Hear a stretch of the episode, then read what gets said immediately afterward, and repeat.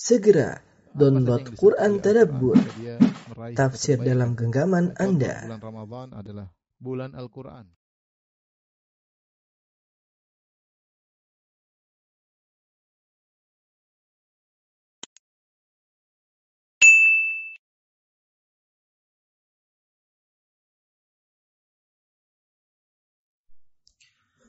إن الحمد لله نحمده ونستعينه ونستغفره ونتوب إليه ونعوذ بالله من شرور أنفسنا وسيئات أعمالنا. من يهده الله فلا مضل له من يضلل فلا هادي له.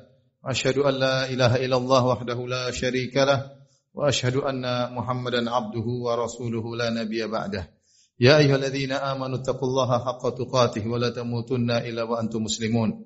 فإن أصدق الحديث كتاب الله وخير الهدى هدى محمد صلى الله عليه وسلم وشر الأمور محدثاتها وكل محدثة بدعة وكل بدعة ضلالة وكل ضلالة في النار معاشر المسلمين أوصيكم ونفسي بتقوى الله فقد فاز المتقون Sungguhnya manusia dalam tiga poros kehidupan. Masa lalu yang telah dia lewati dan masa sekarang yang sedang dia hadapi dan masa depan yang dia nantikan kedatangannya. Betapa sering seorang manusia menengok ke belakang tentang masa lalunya yang menyebabkan dia pun bersedih sementara masa lalu tersebut tidak akan pernah lagi kembali kepadanya. Dia tidak bisa merubah masa lalunya yang telah terjadi. Dan demikian juga betapa sering manusia melihat ke depan mengkhawatirkan hal-hal yang akan terjadi di kemudian hari. Sementara perkara-perkara tersebut tidak bisa dia segerakan untuk dia hadapi. Kenyataannya dia sedang berada di hadapan kehidupannya yang hadir di hadapannya. Inilah dua perkara yang menimbulkan penyakit yang menimpa seorang manusia. Kesedihan tentang masa lalunya dan alham yaitu kekhawatiran tentang masa depannya. Dua penyakit ini menimpa jiwa setiap manusia. Sebagaimana penyakit-penyakit yang menimpa badan manusia. Dan tidak bisa seorang pun menghindari dari dua hal tersebut kecuali mendapat rahmat Allah Subhanahu wa taala. Ma'asyiral muslimin, lihatlah dalam kehidupan ini semua orang pasti mengalami namanya alham, kegelisahan, kekhawatiran. Bukan hanya si miskin yang sedih dan khawatir tentang kondisinya, khawatir bagaimana dia bisa makan atau tidak, bagaimana pekerjaannya, apakah cukup hasil kerjaannya atau tidak. Ternyata kita dapati juga orang-orang kaya yang mereka juga khawatir tentang hartanya, apakah masih terjaga ataukah bisa dirampas oleh orang lain ataukah akan kalah dalam persaingan bisnisnya. Bukan cuma orang miskin yang sedih karena rasa lapar yang dia alami, khawatir dia bisa makan atau tidak. Di sana juga ada orang-orang berada yang khawatir dengan apa yang telah dia makan dalam perutnya. Bukan hanya rakyat jelata yang khawatir tentang masa depannya.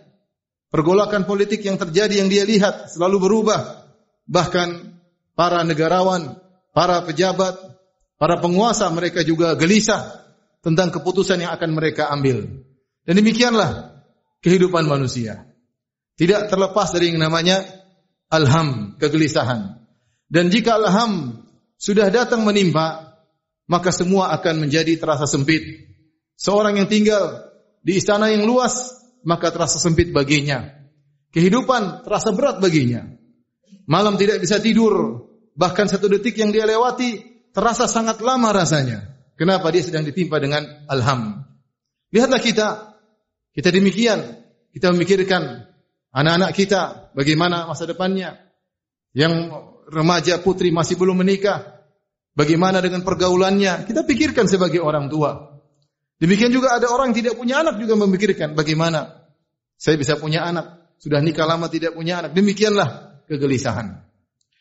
Karenanya diriwayatkan dari Ali bin Abi Thalib radhiyallahu taala anhu dengan sanad yang lemah dalam Al-Mu'jam Al-Awsat Tabrani ketika beliau berbicara tentang makhluk Allah yang terkuat maka ada yang mengatakan makhluk Allah yang terkuat adalah al-jibal gunung ternyata gunung masih kalah kuat gunung bisa dibelah oleh besi apakah besi yang terkuat tidak ternyata besi masih lemah besi bisa dileburkan oleh api. Ternyata api lebih kuat daripada besi. Apakah api adalah makhluk Allah yang terkuat? Ternyata tidak. Api bisa dipadamkan dengan air. Dan apakah air adalah makhluk Allah yang terkuat? Ternyata tidak. Ternyata air bisa dipikul, dibawa oleh awan di atas udara sana. Apakah awan makhluk Allah yang terkuat? Jawabannya tidak. Ternyata awan diombang-ambingkan oleh angin yang berhembus. Apakah angin makhluk Allah yang terkuat? Ternyata tidak. Angin mudah ditepis oleh manusia dengan tangannya. Apakah manusia makhluk yang terkuat? Ternyata tidak. Manusia terdominasi oleh rasa kantuknya. Kenapakah rasa kantuk makhluk Allah yang terkuat? Ternyata tidak. Rasa kantuk terkalahkan dengan alham kegelisahan. Sehingga dia tidak bisa tidur. Ma'asyiral muslimin. Demikianlah kehidupan dunia ini. Tidak akan terlepas dari namanya kegelisahan, kekhawatiran. Sungguhnya kekhawatiran kegelisahan tersebut hanya hilang jika seorang telah meletakkan kakinya di surga kelak. Oleh karenanya di antara ucapan pertama yang diucapkan oleh para penghuni surga ketika masuk surga, mereka berkata, Alhamdulillahilladzi adhaba annal hazan, inna rabbana laghafurun syakur. Segala puji bagi Allah Subhanahu wa taala yang telah menghilangkan segala bentuk kesedihan dari hati kami. Sungguhnya Rabb kami adalah Maha Pengampun lagi Maha Penyayang. Aqulu qawli hadza astaghfirullah li wa lakum wa lisal muslimin kulli dhanbin khati'a fastaghfiruhu innahu huwal ghafurur rahim.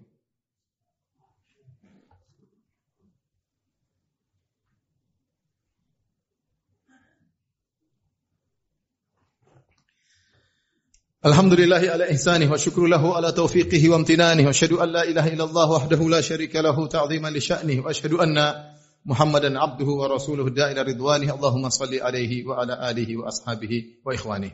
Ma'asyiral muslimin, apakah solusi yang diajarkan Islam ketika kita menghadapi penyakit yang namanya alham yang menyebabkan kita murung, yang menyebabkan kita gelisah?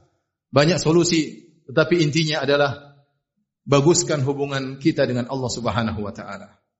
Percuma kita curhat, mencurahkan isi hati kita kepada manusia jika ternyata hubungan kita dengan Allah adalah hubungan yang buruk. Oleh karena di antara obat dari kegelisahan yang paling mujarab adalah berdoa kepada Allah Subhanahu wa taala. Dalam satu hadis yang dikatakan oleh Imam Abu Daud dengan sanad yang diperselisihkan oleh para ulama, sebagian mensahihkan, sebagian menghasankan dan sebagian mendhaifkan. Nabi sallallahu alaihi wasallam masuk dalam masjid. Kemudian Rasulullah sallallahu melihat Abu Umamah radhiyallahu taala anhu al-Ansari sedang bersedih Kata Nabi SAW, Ya Aba Umamah, ma araka jalisan fil masjid fi ghairi waktu salat. Wahai Abu Umamah, kenapa engkau duduk di masjid ini bukan waktu salat? Ada apa gerangan? Terlihat sedih, gelisah.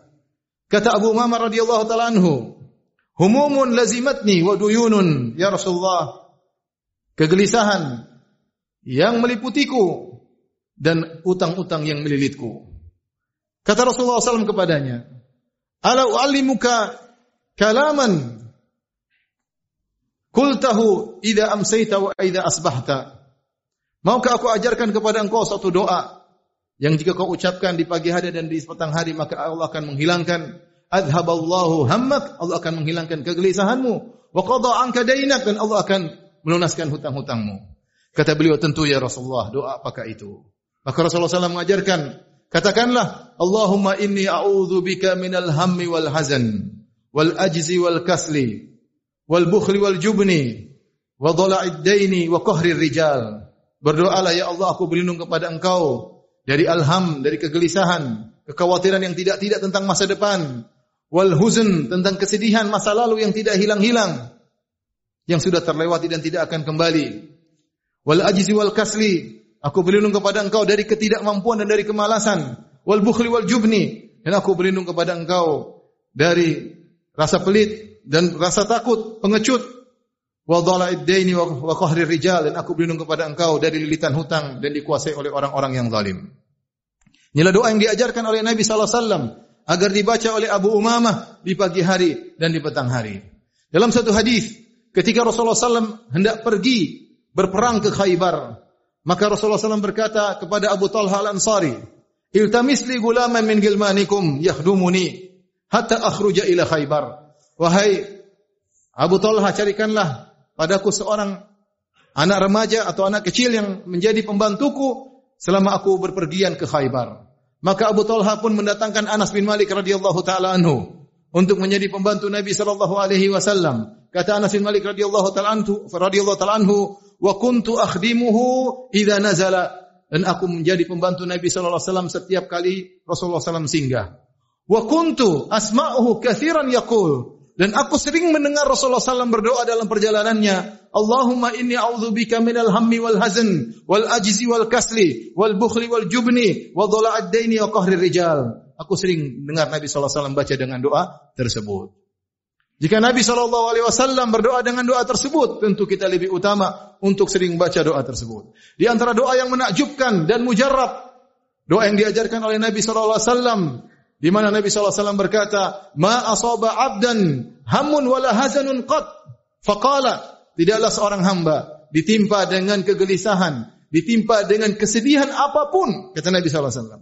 Kemudian dia berdoa dengan doa ini. Kecuali Allah akan menghilangkan kesedihannya dan kegelisahannya. Apa doa tersebut? Qala, Allahumma inni abduk, ibnu abdik, ibnu amatik, nasiyati biyadik, madhin fiyah hukmuk, as'aluka bi kulli ismin huwa lak sammaita bihi nafsak aw anzaltahu fi kitabik aw 'allamtahu ahadan min khalqik aw ista'tharta bihi fi ilmi al-ghaib 'indak.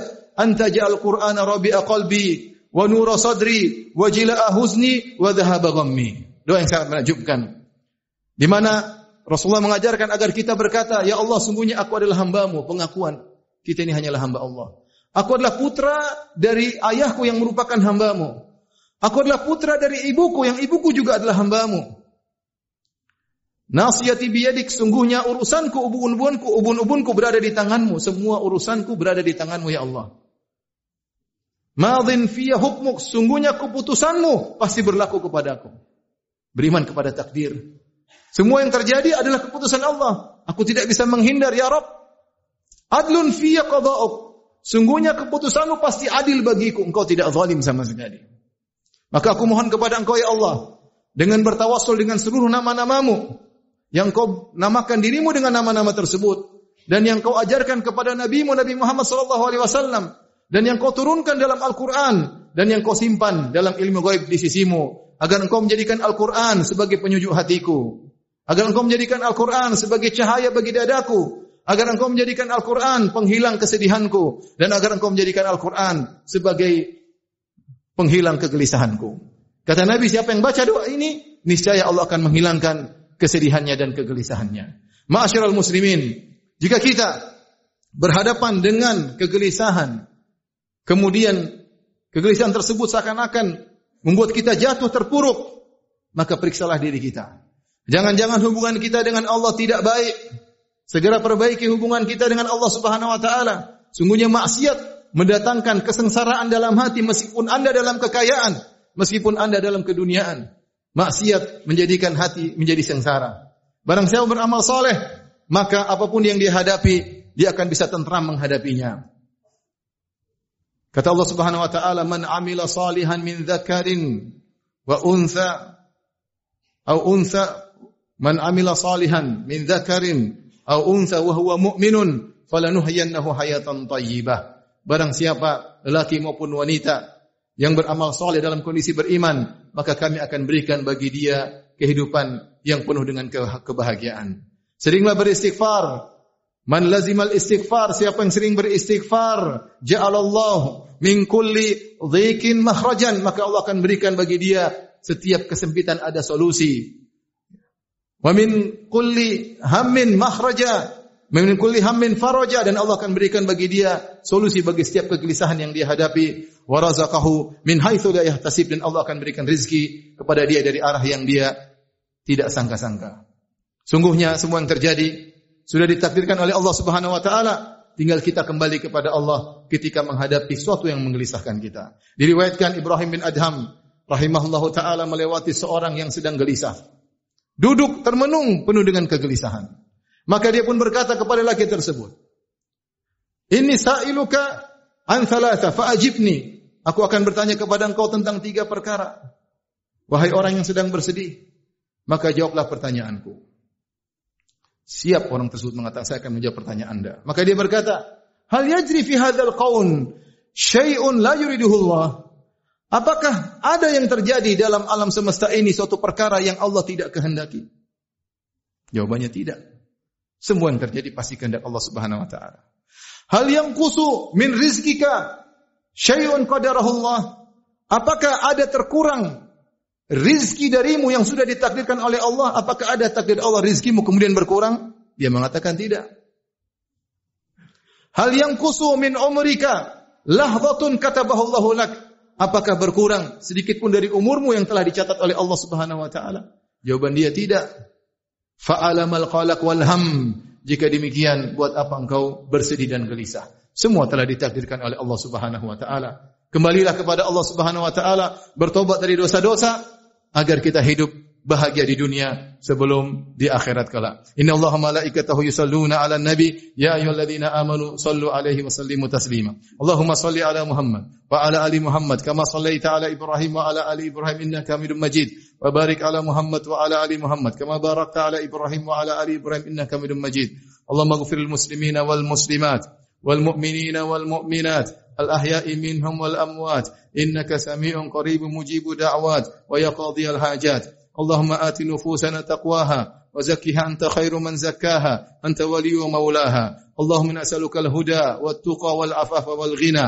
اللهم اغفر لنا ولوالدينا وارحمهم كما ربونا صغارا. اللهم اغفر لنا ولوالدينا وارحمهم كما ربونا صغارا. ربنا ظلمنا أنفسنا وإن لم تغفر لنا وترحمنا لنكونن من الخاسرين. ربنا آتنا في الدنيا حسنة وفي الآخرة حسنة وقنا عذاب النار. وأقيموا الصلاة.